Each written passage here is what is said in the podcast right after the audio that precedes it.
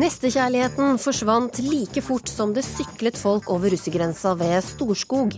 Det skrev en bekymret far, som frykter at flyktningskepsisen skal ramme adoptivsønnen fra Etiopia. Å droppe alkoholen på julebordet er bra for integreringa, sa forsker Lars Gule, og hisset på seg julebordsklare nordmenn. Det blir eh, feil å fire på våre tradisjoner av hensyn til nye landsmenn, synes Trine Grung. Og vi bekjemper ikke IS ved å gå på kafé, sier unge Høyre-lederen, som eh, mener bomber og soldater må til. Nei, svarer lederen av Sosialistisk Ungdom, bombing vil bare avle fram flere terrorister. Velkommen til ukeslutt, hvor vi også skal måle hvor mange prosent julestemning det er i landet akkurat nå. Og Jenny Jensen har allerede pynta til jul. Det at dagene blir kortere, ja da pipler julestemninga fram i, i fru Jensen. Jeg heter Linn Beate Gabrielsen. NVE hever nå faregraden for flom til høyeste nivå for store deler av Rogaland og Vest-Agder. Reporter Øystein Ellingsen, du er nå på Helland i Egersund. og Hvor stor er nå faren for flom, egentlig? Ja, Den er så stor at uh, Vegvesenet nå vurderer å stenge E39 der det er overvann og bilene eh, får vann langt opp på dørene når de kjører forbi. Eh, faren for at dette vannet, som øker med 15 cm i timen, eh, skal bli til en storflom, er meget stor, sier de.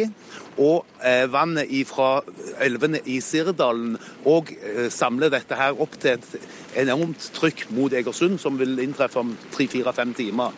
Og eh, det blir eh, en spennende ettermiddag, for det er meldt enda mer nedbør. Bilene står i kø, kolonne på E39.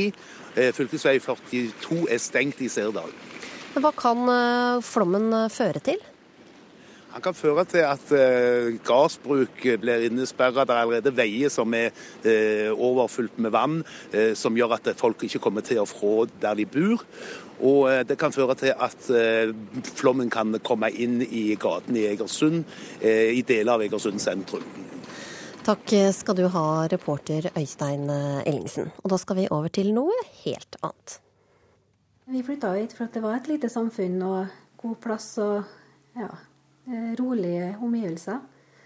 Så, og at det da plutselig skal komme 80 stykker i nabohuset, det blir ganske spesielt. Det, jeg vet ikke, jeg skjønner ikke hva de skal gjøre. Altså, Jeg syns synd på flyktningene som skal komme hit. Det er jo ikke noe å ta seg til. Marianne Lorvik har eh, nylig fått vite at eh, hun blir nabo til et eh, akuttmottak for flyktninger i den lille bygda Kopperå i Meråker. Og det har ført til at naboer har hengt opp en plakat med teksten 'Fuck UDI' og 'Nei til flyktningemottak'. Nestekjærligheten forsvant eh, like fort som det syklet folk over russergrensa ved Storskog. Det skrev advokat eh, Kjetil Nilsen i et innlegg i Altaposten onsdag, som raskt ble spredd på sosiale medier. For eh, senest i sommer så var jo halve Norge klare til å ta imot folk i nød, men hva F har skjedd, spør du Kjetil Nilsen. Ja, hva har skjedd? Nei, det er, et, det er et veldig godt spørsmål.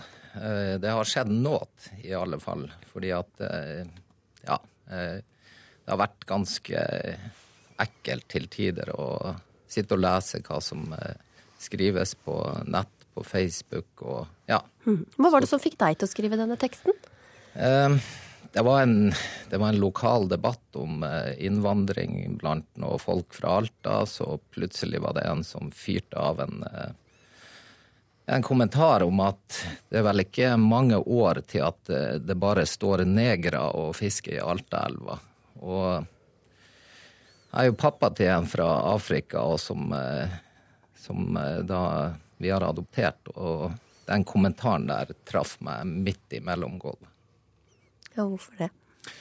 Ja, fordi at jeg, jeg liker å fiske i Altaelva. Jeg liker å ha med meg gutten. Nå har han ikke vært med enda, men jeg vil jo ha muligheten til å ha han med meg opp i Altaelva. Selv om han er neger i hermetegn. Mm. Hva, hva, frykter du at han skal uh, måtte oppleve framover? Um, for å si det sånn, heldigvis så har alt gått veldig bra. Han går på en fantastisk skole med fantastiske lærere. Og han, han er en av gutta, selv om han har en annen hudfarge. Men det jeg er redd for, er jo at denne denne voldsomme uthengning av alle med annen kultur, alle med annen hudfarge, alle med annen religion, de blir på en måte satt i en bås eh, som er ille nok i seg sjøl. Men jeg tenker jo at min gutt, som, eh, som stikker seg ut i, i, det daglige, han kan jo da bli et tilfeldig offer i forhold til det her eh, til dels voldsomme eh, hatet som av og til man kan lese om. Ja, For du tenker at han kan ligne på andre? Ja, det er jo som jeg skriver i kronikken min, at han kan jo forveksles med en eh, tiårig asylsøker fra Eritrea. Og de blir jo på en måte hengt ut som fremtidige trygdesnyltere og eh, jihadister. Så det er på en måte i det perspektivet jeg hadde lyst til å si noe om. Når var det dere begynte å tenke da, at det kanskje er nødvendig å forberede sønnen deres på hva han kan komme til å møte av holdninger? Det er jo særlig den utviklinga som har vært nå i høst, at eh, det på en måte er blitt sosialt akseptert å ha sterke meninger mot innvandring. og eh, Det er de tingene der som har gjort at eh, kona og jeg har, har begynt å tenke i de baner om skal vi skal vi si han? Skal vi realitetsorientere han, eller skal vi håpe på at det går bra? Skjalg Fjellheim, du er eh, kommentator i Nordlys. Eh, hvordan har holdningene til eh, flyktningene endret seg denne høsten, vil du si? Det er vanskelig å si om fremmedfrykt og hat øker. Men den råeste formen for fremmedfrykt og hat Eh, den er i alle fall blitt mer synlig i kommentarfeltets eh, tidsalder.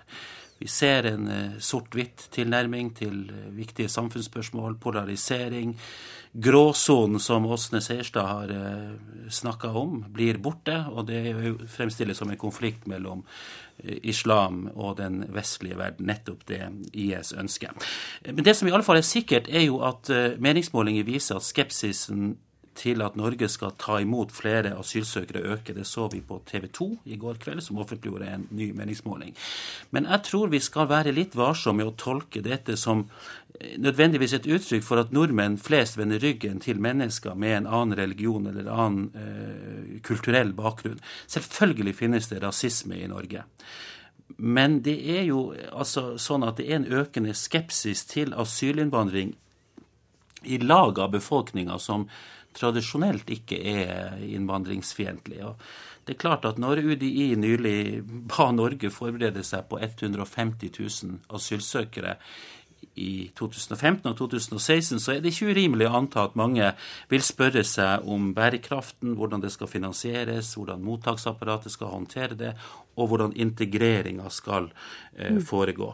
Altså, Poenget mitt er at det er viktig å holde fast ved at det tjener ikke debatten å, å koble dette eh, opp mot et, som om det er et uttrykk for noe inhumant. ikke sant? Mm. Eh, men naturligvis, de opplevelsene og den bekymringa som advokat Nilsen i Alta har, den må vi ta på det dypeste alvor. Det er skremmende å høre. Ja, Hva slags eh, kommentarer har du fått på innlegget ditt i etterkant i, i kommentarfeltene? Eh, 99 Eh, positive tilbakemeldinger. Jeg har fått masse innboksmeldinger fra folk jeg aldri har hatt noe med å gjøre, der de takker meg, og jeg takker dem, og det, ja, det er skikkelig eh, koselig.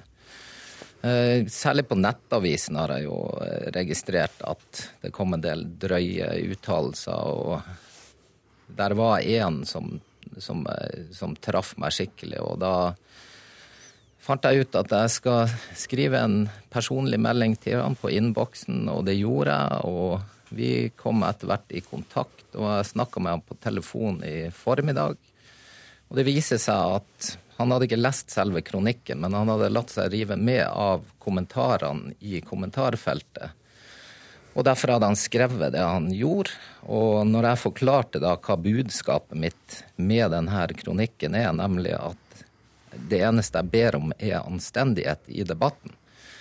Så, så beklager han, og ja, jeg har fått en fantastisk flott eh, innboksmelding fra han, og han har invitert meg ned til Oslo. Neste gang jeg er der, så skal jeg ta ta, treffe han, og så skal vi ta en kopp kaffe. Da har det kommet noe bra ut av det, i hvert fall. Men eh, Skjalg Fjellheim Nordlais har også hatt oppslag om hvordan nordmenn med hijab har blitt eh, sjekanert. Har Nilsen grunn til å være bekymret for at eh, sønnen skal bli utsatt for rasisme? Absolutt.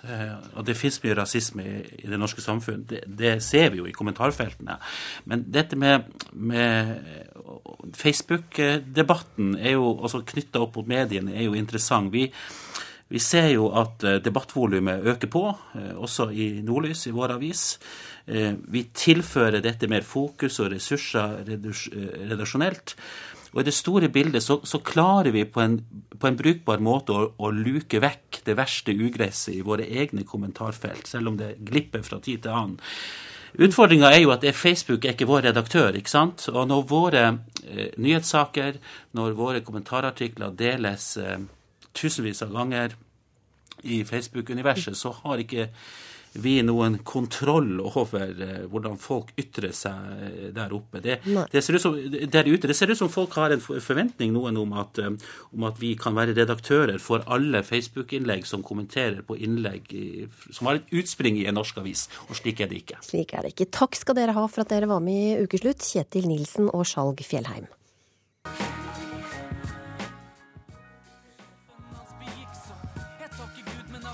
Du hører på Ukeslutt i NRK P2. Dette var eh, Carpe Diem 1000 tegninger.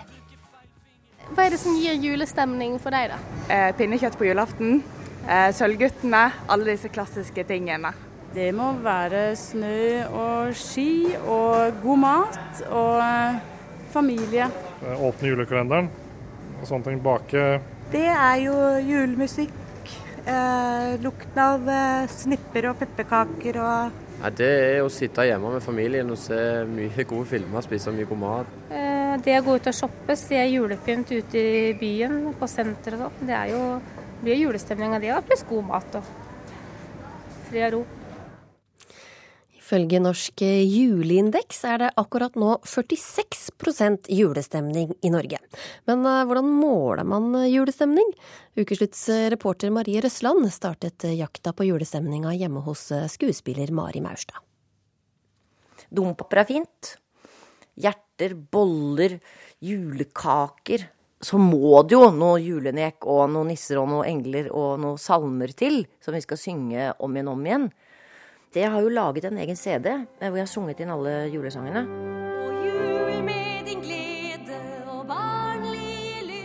Den setter jeg ikke så mye på.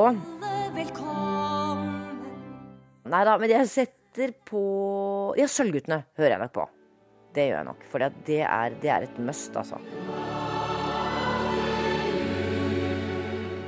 Altså, jeg syns ikke sånn jingle bell, jingle bell Det er litt for fort. Dette er skuespiller Mari Maurstad. Hun er som mange andre veldig glad i jul. Hvor mange prosent julestemning er du i nå? Nei, det er bare tre, du. Så da, der har vi litt å gå på. Kan man egentlig måle julestemning? I dag er vi her på Store Storsenter for å prøve å måle julestemningen blant folk som er her og handler. Ja, mener administrerende direktør i analysebyrået Opinion, John Pedersen. Vi er på Store Storsenter i Oslo, hvor butikkvinduene er stappet med tilbud, glitter og julelys. Sitter to damer der. Ja. Hei, unnskyld. Jeg kommer fra Ukeslutt i NRK. Dette er John. Eh, vi eh, tester, eller måler julestemningen. Eh, og lurer på om dere kan svare på to spørsmål. Har du vært i julestemning de siste 24 timene? Ja, for så vidt. Jeg har jo drevet med litt julebakst og forberedt litt gaver, så jeg må jo si det. Eh, nei, det har jeg ikke. Ja, det er litt snø og litt eh, Jeg bor på Eidsvoll, så der har det vært litt snø. Jeg har lyst til å spørre deg om du har vært i julestemning de siste 24 timene? Ja, jeg har jo egentlig det. Vi har barn og sånn, så vi har jo julekalender. Ja, kan man si det? Før vi får resultatet fra kjøpesenteret, skal vi se litt på resten av landet. På oppdrag for Matprat og Opplysningskontoret for egg og kjøtt har John og kollegaene hans de siste ukene målt julestemningen landet over. På landsbasis ligger julestemningen akkurat nå på 46% men noen har mer julestemning enn andre. rundt seks av ti kvinner er nå i julestemning. Eh, Tre til fire av ti menn eh, oppgir det samme. Så det er eh, virkelig en stor forskjell mellom kjønnene her. Et annet interessant poeng der er at en av de tingene vi har målt ganske konsistent gjennom de snart to ukene vi har holdt på, er at uh, høyest julestemning i Norge er det i Nord-Norge. Uh, det er enkeltdager som varierer, men over tid så er det Nord-Norge som uh, rapporterer den største andelen julestemning. For å finne et menneske som er skikkelig i julestemning, må vi altså til Nord-Norge, og det må være en kvinne. Velsigna du dag over fjordan. Mørketid og det å stille klokka, det at dagene blir kortere, ja, da pipler julestemninga fram i, i fru Jensen. Velsigna de evige ordan Artist Jenny Jensen er kanskje et av de menneskene i landet som er mest glad i jul. Jeg liker jo å starte å pynte til jul allerede i september-oktober. Altså, jeg tror at folk i Nord-Norge er ekstra mye i julestemning. For at det er på en måte en, et lyspunkt i mørketida. Hun er for øyeblikket på julekonsertturné i nord, og gleder seg stort til høytid. Riktig god jul til deg og til alle lytterne. Og nå er det ikke lenge igjen, det er bare noen dager igjen, så nyt før juletida.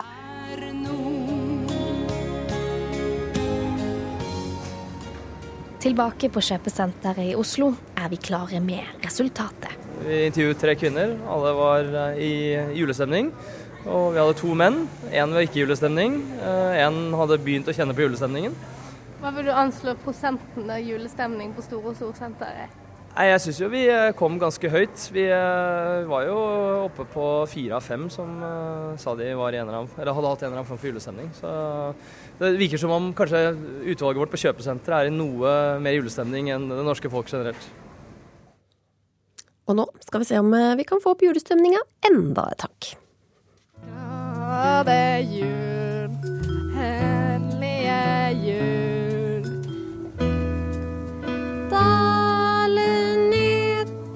Skjul. Kom hit flygende paradisgrønn. I oh, jeg har den på tunga, men jeg får det ikke, finner det ikke. Det låt vel bare sånn passe da Dagsrevyen testet hvor godt de unge kan julesangene våre. Og for hver generasjon som går, sliter vi mer og mer med de gamle tekstene, som vi kanskje ikke forstår engang. Men nå er det bare å gripe sjansen til å øve litt, så slipper du å nynne deg gjennom julesangene rundt juletreet. Dette er Glade jul i familien Akselsens versjon.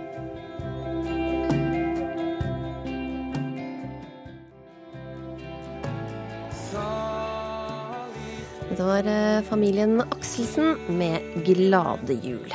Og nå skal vi bort fra glade jul og til eh, livets harde realiteter. Vi må fortsette å gå på kafé, har vært et av budskapene etter eh, terroren i Paris. Men det holder ikke å gå på kafé for å bekjempe IS. Det skriver du, leder i Unge Høyre, Christian Tonning Riise. Men er det noen som tror det, da? Nei, det er jo, etter jeg skrev den teksten, så har noen beskyldt meg for å, for å slå inn uh, åpne dører, og mens andre sier sånn endelig er det noen som sier det som det er. Så det er sikkert litt forskjellig hvem du, hvem du spør. Jeg tror nok de, de, fleste skjønner vel at man ikke kan bekjempe IS ved å, ved å gå på kafé.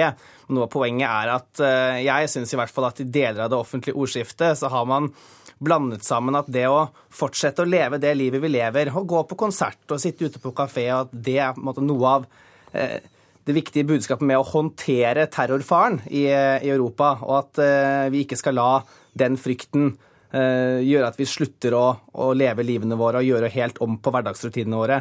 Men så er det noe med at terrorfaren må bekjempes med noe mer enn å leve livet vårt her i Vesten. At vi har faktisk overfor oss nå en eksistensiell trussel mot Vesten og mot våre friheter. Og, og det, det, og det er den erkjennelsen der, da, den som mm. jeg egentlig bare ønsket å ønsket å, å, slå litt inn. At mm. få en litt sånn realitetsorientering, i hvert fall i, i deler av den, eh, av den, offentlige debatten, om at vi står for ja. en trussel her nå som vi må bekjempe. Og, som og du mener at det er bomber og krig som må til?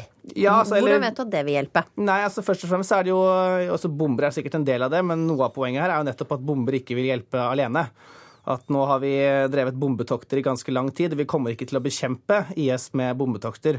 Og jeg tror, jeg tror alle eh, alle militære eksperter eh, vil nok være enig i det om at det må bakkestyrker til for å bekjempe IS. Men så er selvfølgelig den vanskelige debatten som kommer etter det, er jo ja, hvem er det som skal gå inn? Med hvilket mål er det man skal gå inn? Hva slags tidsperspektiv er det man har her? Og er der er det veldig mange kompliserte debatter, men poenget mitt er bare at vi må, vi må komme dit. Og der er vi jo egentlig langt på vei. men... Niklas Wilkinson, leder av eh, Sosialistisk eh, Ungdom. Eh, Må vi ikke bekjempe IS med deres egne virkemidler? Krig? Vi, vi må bekjempe IS. Men er det en ting jeg syns er ganske skremmende, så er det at unge Høyre i en så viktig debatt som handler om terror og tap av menneskeliv, latterliggjør meningsmotstandere med å prøve å late som at noen mener at dette løses med å gå på kafé. Vi snakker her om 400 døde av terrorisme i Vesten. Vi snakker om titusenvis som er bombet sønder og sammen i Østen av vestlige bomber. Eh, Og så kommer det en kronikk som, som latterliggjør hele temaet på denne måten. Det syns jeg er ja, jeg syns det er veldig uakseptabelt, om jeg kan si det. Men, men, men, men, men, Nei, Hvis du har lyst til å begynne hele debatten Niklas, med liksom å misforstå hele utgangspunktet bevisst, og, og så måtte legge, legge ord eller holdninger i munnen på meg, så får vi en veldig dårlig debatt. Det har vært en del som har skrevet uh, ting som at det viktigste vi kan gjøre for å bekjempe IS, er å fortsette å leve livene våre her i Vesten. Og Det var på en måte det perspektivet som jeg ønsket å, å, å si imot. Og at det er, vi må komme til en erkjennelse av at det er militære virkemidler som må til. Og da mener jeg at Norge som et medlem av Nato, at Norge som et medlem av Vesten, må også komme til den erkjennelsen og være med og ta det ansvaret. Wilkinson, hva mener du er den beste måten å bekjempe IS på? til, ja, det skal jeg komme til. Men, men dette også, at vi må komme til erkjennelsen om at vi kan bruke militærmakt. Vi har nå lagt bak oss det blodigste tiåret i Vestens historie. Vi har aldri gått til mer krig enn vi har gjort nå. Og så kommer Unge Høyre og sier at nå må vi begynne å forstå at vi kan gå til krig. Etter at vi har gått til etter at vi har gått Siden, eh, siden andre verdenskrig, men vi har gått til krig. Men det som er helt klart, er at vi må ha en politisk løsning her. Problemet her nede er jo at sunnimuslimene ikke har noe annet sted å gå for trygghet.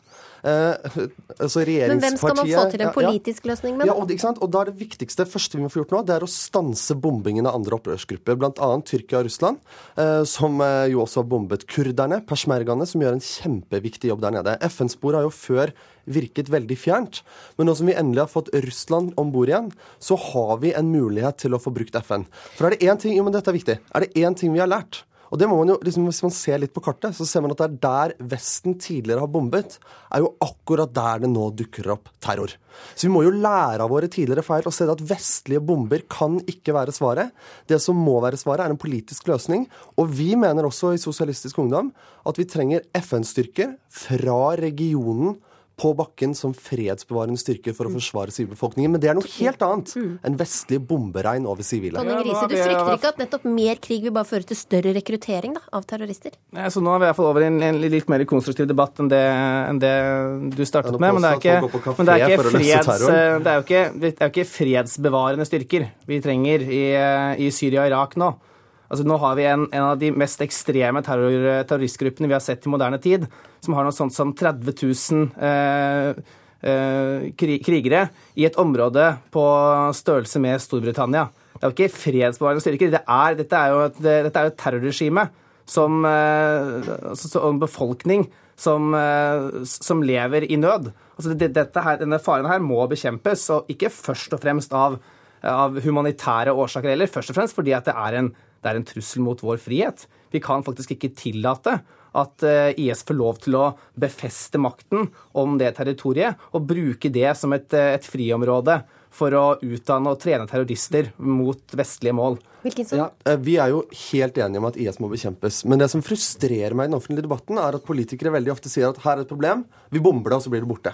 Hvis vi faktisk skal bekjempe IS, så er vi nødt til å se hva er det som skaper grobunnen deres. Og det er at sunnimuslimer i området ikke har noen trygghet. 95% av de som flykter eh, i Syria f.eks., de flykter jo fortsatt fra Assad-regimet. Ja, dette skriver jeg også litt, dette skriver jeg også om i teksten, at jeg er nødt for, å- er nødt for å gjenvinne tilliten til moderate sunniarabere hvis vi skal klare å vinne den langsiktige krigen mot IS. Det er veldig fint å skrive det, det er fint å skrive det, men da må man også spørre hvordan gjør man det?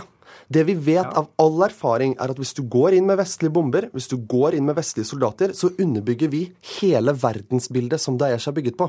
Og det er en krig mellom Vesten og Østen. Men og det er det, det eh, Jo, men dette er viktig, for det er det Det vinner ja, ja, men Daesh vinner på det.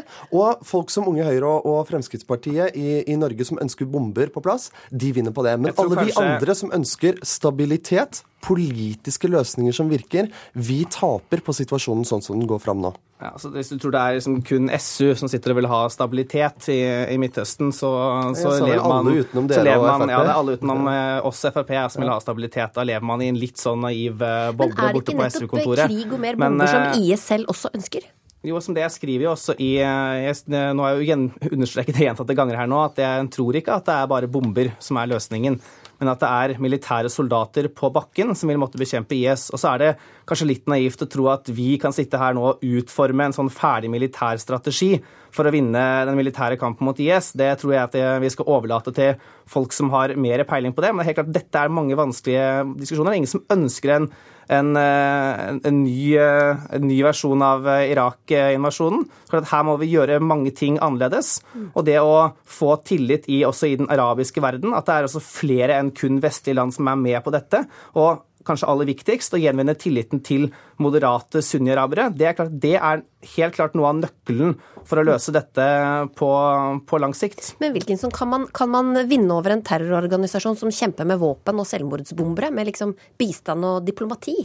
Eh, nei, du må gjøre begge deler. Men er det det viktigste våpenet? Ja, det er det faktisk. Og det må jeg forklare hvorfor. Det vil egentlig sitere Malala, fredsprisvinneren, som sier at det viktigste våpenet mot terrorister, det er ikke bomber, men det er faktisk utdanning. Og det er fordi vi vet at de fleste sunnimuslimene i dette området altså Det er ikke sånn at hele den befolkningen er rabiate, gale ekstremister. Men det er den eneste tryggheten de finner, bl.a. fordi den irakiske regjeringen ikke gir ordentlig støtte opp i nord. Og så vet vi at de irakiske regjeringstroppene, som eh, Høyre har sendt norske soldater ned for å trene opp, har jo blitt tatt for å bryte menneskerettigheter, for angrep på sivilbefolkningen. Det vi trenger nå, det er FN-styrker på bakken fra regionen, ikke vestlige bomber. Som vi har bistand, og vi må ha utdanning. For det er det eneste som skaper trygghet på sikt. Jeg er nødt til å avslutte her. Tusen takk, Nicholas Wilkinson og Christian Tonning Riise.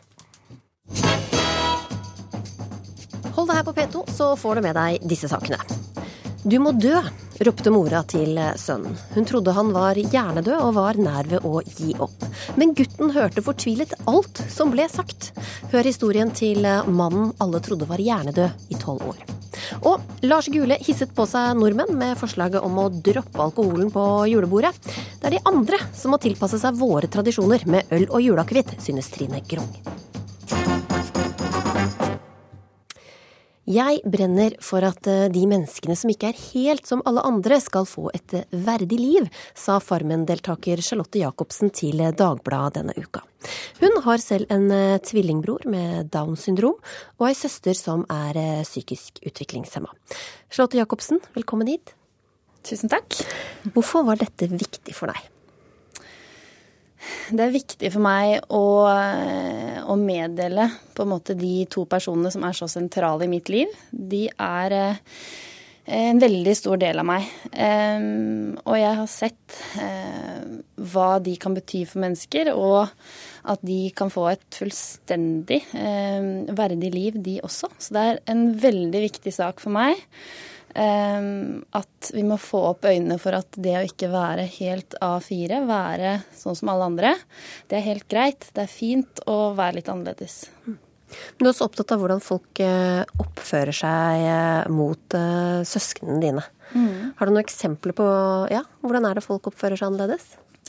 Det er veldig Altså, jeg må først si det at eh, broren min han har det superfint og er på en måte bygdas eh, maskot og har alltid vært det eh, uansett hva han har vært. Um, men det er sånn når, du, når, han introduseres for nye mennesker, møter nye mennesker, så er det jo først og fremst downs de ser. De ser at han er ikke helt som alle andre, og de ser at det er nettopp Downs syndrom.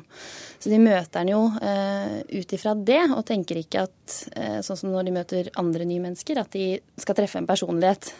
Det er først sykdommen, og så kommer vi bak den, og så blir de positivt overraska over at han har så god personlighet som det han har. Men med han så har det jo vært Altså der er det utrolig mye positivt. De er kjempeglade i han. Men eh, han blir på en måte litt hindra fordi de ser først eh, syndromet, da. Mm. Hva, med han. Hva med lillesøstera di? Med henne er det litt annerledes, fordi hun ser man det ikke på.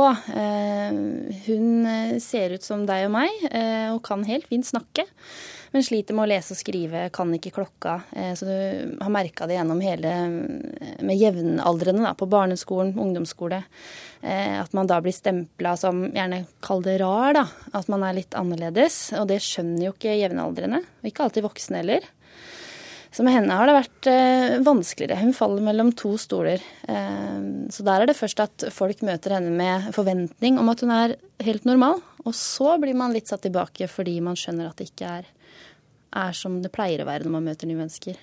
Så jeg, ser på de to at der er det veldig forskjell i hvordan eh, de blir møtt. Da. Fredrik er det veldig tydelig at folk er litt forberedt på at det er noe annerledes. Og sånn er det ikke med lillesøsteren min. Da blir folk mer satt ut egentlig, og ikke vet helt hvordan de skal reagere. Og det skjønner jeg jo. Ja, hvorfor tror du det er vanskelig for folk? Eh, jeg skjønner jo for mennesker som ikke har noe som helst erfaring, eh, aldri har møtt eh, noen som er har utfordringer som ikke er helt som alle andre. Hvis man, ikke, hvis man bare har sett det gjennom TV-skjermen og sett på Tangerudbakken f.eks., så skjønner jeg at det kan være vanskelig å vite hvordan man skal te seg.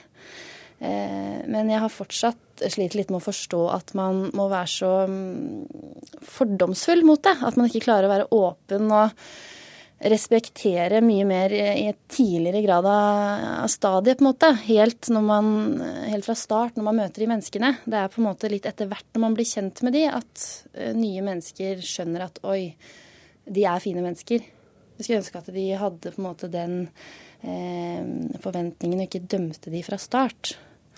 Men handler, kan det også handle om at uh, vi også prøver å tilpasse oss og på en måte legge oss på At vi tror vi legger oss på et nivå da, som passer den eh, personen?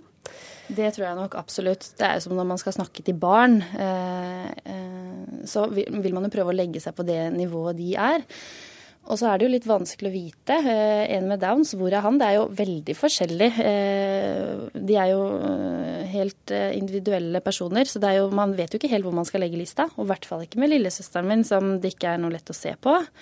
Så jeg skjønner at det er vanskelig. Og jeg kan synes det er vanskelig selv i mange situasjoner overfor de, og overfor nye mennesker som jeg møter, som har andre utfordringer. Så det er nok det at vi prøver, selvfølgelig, å tilpasse oss de. Og så treffer vi ikke helt, da. Eh, men jeg tror nok at mange prøver, men kommer kanskje litt skjevt ut. Men hvordan opplever søsknene dine dette, da? Um, broren min han uh, tror jeg ikke skjønner stort av det. Han uh, lever livets glade dager uh, og har ingen bekymringer her i verden. Han har det helt fantastisk i sin lille verden.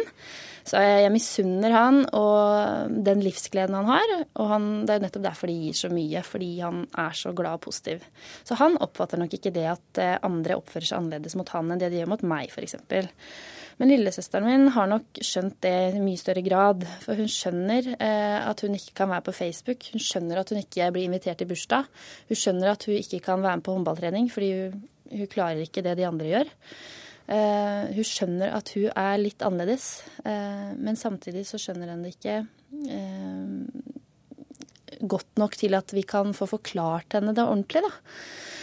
Så henne det, har jeg hatt mye vondt av. Fordi eh, jeg har sett den siden med broren min, at han har det så enkelt, da, hvis man kan si det. Og hun blir møtt på en helt annen måte.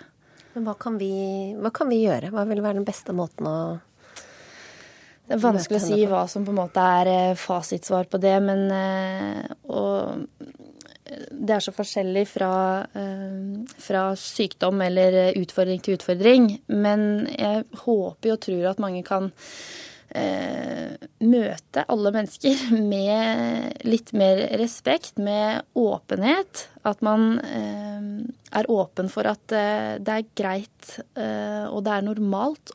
At ikke alt er som det pleier når du møter nye mennesker. At det å ha downs, det å ha eh, en eller annen utfordring, at du er psykisk utviklingshemma, at, at det feiler deg noe annet, at det også er normalt. At du også har et verdig liv av den grunn. Men det er jo på en måte eh, og drømme om at alle eh, kan møte alle mennesker sånn. Men det er jo det som må være målet. At man skal gi alle mennesker den respekten de fortjener. Prøve å være litt eh, ja, mer åpen i hverdagen. Nå skal vi høre fra en som er eh, helt enig med deg, og som virkelig har fått kjenne på det å bli behandlet eh, annerledes. Martin Pistorius ble nemlig behandla som luft i tolv år. Alle trodde han var eh, hjernedød, men han fikk med seg alt alle sa. Og dette er historien om mannen som var lukket inne i seg selv. En kveld, etter nok en lang krangel mellom mamma og pappa, snudde mamma seg mot meg og sa at jeg måtte dø. Martin Pistorius ser inn i øynene på mora. Hun har akkurat bedt sønnen dø. Han ligger helt stille, kan ikke bevege seg, bare tenke over det hun nettopp sa. For å forstå hvorfor mora til Martin var så fortvila at hun ønska han død, må vi først fortelle historien om Martin. Martin Pistorius har kort, litt grålig hår og et stort smil. Fingrene hans danser over tastaturet. Han kan ikke prate, men han er rå på kommunikasjon. I need to change my Peter voice to a Norwegian voice. For at eh, vi to skal kunne kommunisere sammen, skriver han svaret sitt inn på en datamaskin, og maskinen gjør teksten om til tale. Vanligvis prater Martin sin maskin engelsk, men i dag vil Martin prøve seg på en norsk versjon. La oss se om maskinen snakker norsk. Martin Pistorius er mannen bak bestselgeren Ghostboy. Boka kom på norsk i høst og er lest av millioner.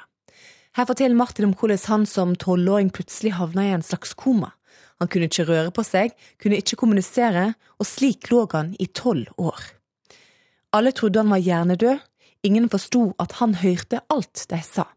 Han var innestengt i sin egen kropp. La oss se om maskinen snakker norsk. It sounds a bit forced. Let's try again. Kona til Martin, Joanna, er ikke nøyd med toneleiet på maskinen. Hei. La oss se om maskinen snakker norsk. Do you think that's right? Johanna og Martin har funnet en norsk versjon de liker. Den engelske stemma heter Peter. Den norske heter Olof. Olof. Ok. Exchange Peter for Olof. Norsk og Oluf er installert, og vi kan begynne å fortelle historier til Martin. Jeg kom hjem fra skolen og følte meg dårlig. Først trodde legen at jeg hadde influensa og foreslo behandling deretter. Min helse forverret seg gradvis og jeg ble lagt inn på sykehuset. Men kroppen min ble svakere og svakere og jeg mistet evnen til å snakke og kontrollere mine egne bevegelser. Jeg gled unna, ble fanget inne i kroppen min. Martin ble dårligere og dårligere. Legene skjønner ikke hva som skjer med han, til slutt bare ligger han der helt uten å røre på seg. De første fire åra husker han ingenting fra, men plutselig en dag hører han foreldrene prate om en bursdagsfeiring.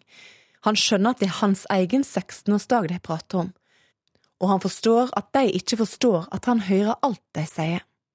Du kan høre, se og forstå alt rundt deg, men du har absolutt ingen makt over noe. Du kan aldri si takk til noen, eller jeg elsker deg, du kan ikke be om hjelp eller trøste dem. For meg er følelsen av fullstendig og absolutt avmakt trolig den verste følelsen jeg noensinne har opplevd, og jeg håper jeg aldri må oppleve det igjen. I'm making sausages. Would you like an egg with it? Yes, please. Joanna og Martin lager frokost på det lille kjøkkenet sitt. Veggene er hvite, på den lille komfyren freser pølser og egg. We must remember to buy more eggs. Yeah. You can go to that farm store again. I like that. Martin minner Joanna på at de må kjøpe egg på butikken. Martin husker godt alle åra han bare lå der og prøvde å bli sett. Men ingen så han. Han følte seg helt usynlig. De fleste ignorerte meg helt, snakket ikke med meg eller snakket til meg som en baby. Det var noen mennesker som behandlet meg dårlig, håndterte meg brutalt, og som til og med misbrukte meg. Men så var det andre som var milde og behandlet meg med forsiktighet. Tilbake til mora til Martin. Hun har sagt opp jobben for å passe på han, hun steller han og gjør alt hun kan for å vekke han. Hun er fortvila, prøver å ta sitt eget liv, vil plassere Martin på en institusjon. Faren nekter. Nå ber hun han dø. Jeg ble sjokkert, veldig trist og opprørt over det hun sa. Men jeg forsto hvor det kom fra. Mamma, og hele familien min, var dypt berørt av det som skjedde med meg. Men spesielt mamma slet med å forsone seg med tanken. For henne var det som at sønnen hennes døde da han var tolv år. Jeg blir trist når jeg tenker tilbake på hvor vanskelig det var for alle. Men jeg er ikke sint eller bitter eller noe slikt. Faktisk føler jeg enorm medfølelse og kjærlighet for mamma, det var virkelig en vanskelig tid for henne.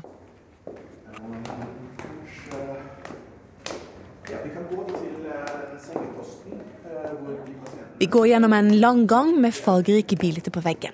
Ved siden av meg går eh, Frank Becker. Han er hjernespesialist og klinikkoverlege ved Sunnaas sykehus.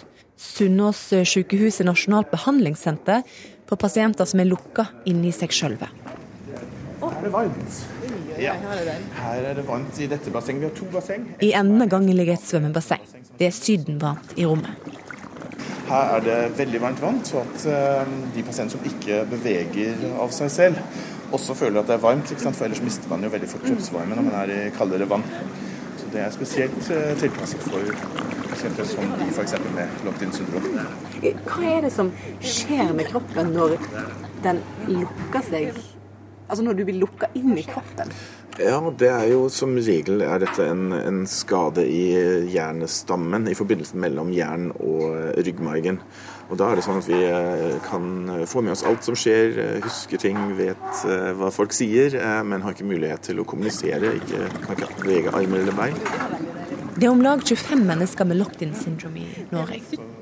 Ifølge Becker kan en leve aktive liv tross vansker med å bevege seg. Når man har etablert en kommunikasjonsform via datamaskin f.eks., så, så kan man jo sende e-post, og, og, så kan man jo komme seg ut. Man kan gå på kino, man kan uh, gå på fotballkamp, uh, møte venner osv. Og, så og, og sånn sett ha et aktivt liv. Jeg hadde masse folk rundt meg, men var helt alene. Ofte måtte jeg ty til tankene mine for å takle situasjonen, men flyktet inn i mine egne tanker. Jeg kunne bokstavelig talt miste meg selv i drømmene mine. Jeg kunne innbille meg alt mulig, som å være veldig liten og klatre inn i et romskip og fly av gårde. En dag er det slutt på dagdrømminga. Martin ligger som han plar helt stille i senga på behandlingssenteret, men om litt vil alt endre seg. For inn døra kommer sykepleieren Virna. Hun ser Martin. Først tenkte jeg ikke noe spesielt om henne, hun var bare nok en person som skulle ta vare på meg. Jeg hadde sett så mange komme og gå over årene. Men så begynte jeg å legge merke til henne og skjønne at hun var annerledes. Hun behandlet og snakket til meg på en annen måte. Myrna snakket til meg som at jeg forsto, det virket som at hun ventet på et svar fra meg. Den sjenerte, rolige sykepleieren, som ifølge Martin smiler uten å vise tenner, insisterer på at Martin kan forstå. De begynner å teste han. Etter hvert viser han tegn til å forstå. En hard opptreningsperiode starter, og litt etter litt er den usynlige gutten tilbake. Det var fantastisk, virkelig spennende. Det gav meg noe annet å fokusere på og tenke på. Jeg tror at det å bli sett, det at en annen person anerkjenner din eksistens er utrolig viktig. Det gjør at du føler at du betyr noe.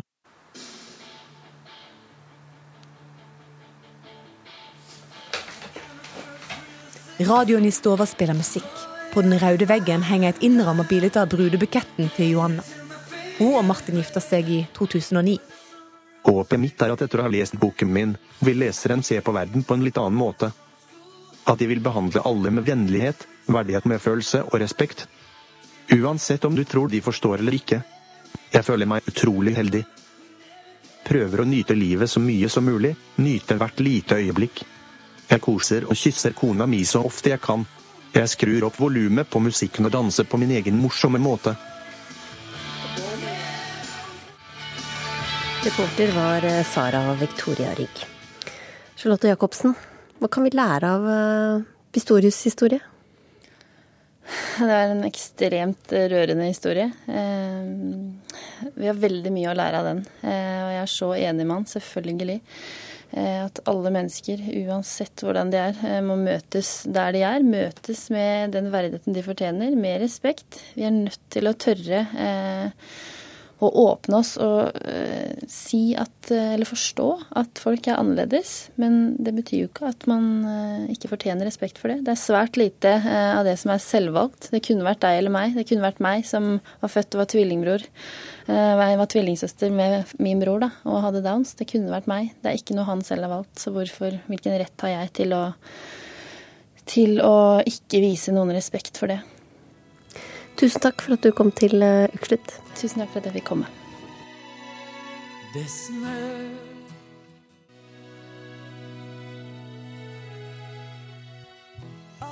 Anne Grete Preus, 'Når himmelen faller ned', hørte du her i Ukeslutt. Så til et av desembers høydepunkter, julebordet.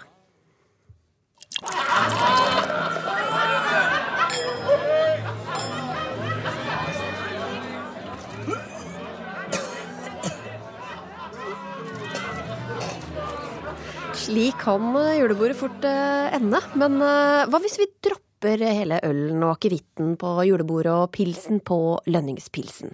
Det kan bidra til å integrere innvandrere som ikke er vant til vår alkoholkultur. Det mener du, Lars Gule. Du forsker bl.a. på ekstremisme og på integrering. Hvorfor bør arbeidsplasser vurdere å droppe alkohol på julebord og lønningspilser?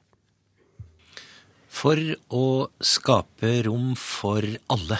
Eh, skape noen sammenhenger en gang imellom som eh, kan passe for alle. Og med alle mener jeg dersom en arbeidsplass da er mangfoldig, og det kan den være på mange måter, men særlig hvis den har medarbeidere som er eh, reservert eller absolutte motstandere av alkohol. Det kan likevel være gode grunner til å ha dem med, i hvert fall i noen sosiale sammenhenger. Hvordan vil det bidra til bedre integrering, da?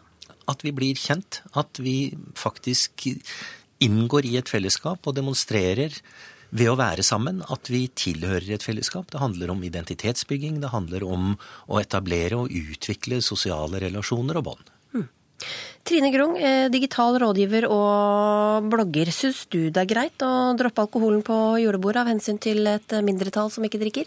Nå må du tilføres til denne historien at jeg, før jeg uttaler meg, at jeg drikker så å si nesten aldri og rører nesten ikke alkohol. Men jul og tradisjoner, det har vi her i Norge. Og jeg syns det blir helt feil at vi skal tilpasse oss våre nye landsmenn, som jeg ønsker hjertelig velkommen. Har flere venner i mitt nettverk som er innflyttere til Norge. Men allikevel så har vi våre tradisjoner, og jeg syns ikke at Da får heller de tilpasse seg litt at vi har alkohol på våre julebord. Ikke jeg, men de fleste har det. Og det må vi nesten bare si at det beklager, det syns jeg at de må tilpasse seg. Altså, sånn er det. Ja, hvorfor er det flertallet som skal tilpasse seg mindretallet, Gule? Det handler ikke om tilpasning. Det er en misforståelse, en fundamental misforståelse. Det handler om å ta hensyn. Akkurat på samme måte som vi tar hensyn til tante Olga som ikke kommer hvis det serveres alkohol i et eh, gitt selskap. Nei, men denne gangen må vi faktisk ha med tante Olga. Ikke hver gang, men noen ganger. Så det handler altså ikke om tilpasning, det handler om å ta hensyn i noen sammenhenger. Men det er jo litt feil å diskutere en familiesetting. Der vil jeg òg ta til hensyn til tante Olga. Det er noe helt annet enn å sammenligne det med en arbeidsplass hvor vi kanskje er 100 stykker, så skal de 100 droppe vinen til i julebordet eller ølen og akevitten fordi det sitter tre stykker som de skal tilpasse seg. Da tilpasser jo vi oss et mindretall av de som eventuelt er på, på, den, på det julebordet med den arbeidsplassen. Ja, jeg sier at det er å ta hensyn. Og hvis det er slik at eh, det handler om å bygge en virksomhetsidentitet, teambuilding osv., ja, da tar man hensyn til det til og med ganske lille mindretallet, i hvert fall én eller to ganger i året. Jeg har nevnt julebord fordi det var det jeg ble spurt om, mm. eh, og det kan godt hende at det passer bedre i andre sammenhenger. Det må jo nettopp være opp til kollegiet og arbeidsgiver å vurdere. Men er ikke nettopp eh, alkohol også en del av den eh, kulturen vi har her i landet, og som eh, de som kommer hit også må venne seg til? Ja, men det gjør de da. Og noen venner seg til det ved at de holder seg borte fra det. Altså, jeg mener, Hva i all verden skulle det bety at man skal akseptere det man ikke liker? Det, jeg, jeg, jeg, skjønner ikke den tenkemåten. Det handler nettopp om noe som er helt parallelt til at man tar hensyn til tante Olga, også på en arbeidsplass, hvor man tar hensyn til f.eks. blandingen av menn og kvinner, ja, da tar man hensyn til at her er det kvinner, kanskje et mindretall, kanskje et flertall av kvinner. Man tar hensyn til funksjonshemmede, man tar hensyn på så mange måter, og vi gjør det hele tiden.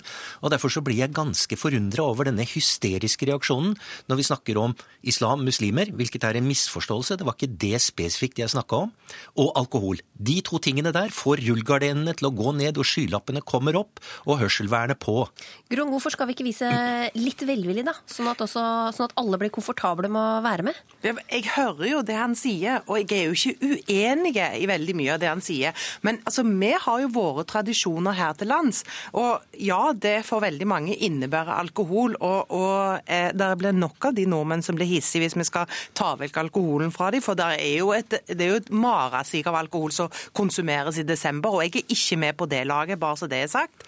Men allikevel så syns jeg det blir feil å tilpasse seg For ja, kanskje det er et feil ord å bruke, men dog allikevel ikke akkurat i juletiden og de tradisjonene som vi har rundt der. For tradisjoner for Ola Nordmann er jo integrert i ryggmargen vår, og de er viktige. Og jeg tror det er det det mer handler om enn at det er akkurat alkoholen på det spesielle julebordet. Det er ingen tradisjoner som er heldige for meg. Det vil jo være like meningsløst som at man har en religiøs eh, holdning til alkohol. Nettopp derfor så kan vi vurdere dette fritt fra gang til gang, og eh, kanskje passer det bedre med en alkoholfri juletrefest, hvor også til og med barn kan være med. Eh, kort sagt, jeg er ikke opptatt av at man sier at det absolutt skal være julebordet. Dette må, som, dette må, nettopp den enkelte bedrift, den enkelte arbeidsgiver og kollegiet helst være med på og vurdere og ta en beslutning om. Men eh, alkohol gjør jo også mange nordmenn mer eh, pratsomme og omgjengelige, vil en del eh, påstå.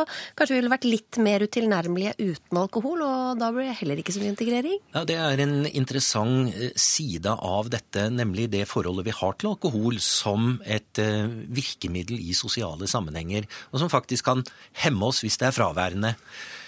Så selvfølgelig, her har vi, her har vi utfordringer. Ingen som helst tvil om det. men Kanskje er det en positiv utfordring at vi lærer oss å være mer sosiale uten alkohol. Nyte mat, nyte konversasjon, en frisk diskusjon, hva det måtte være.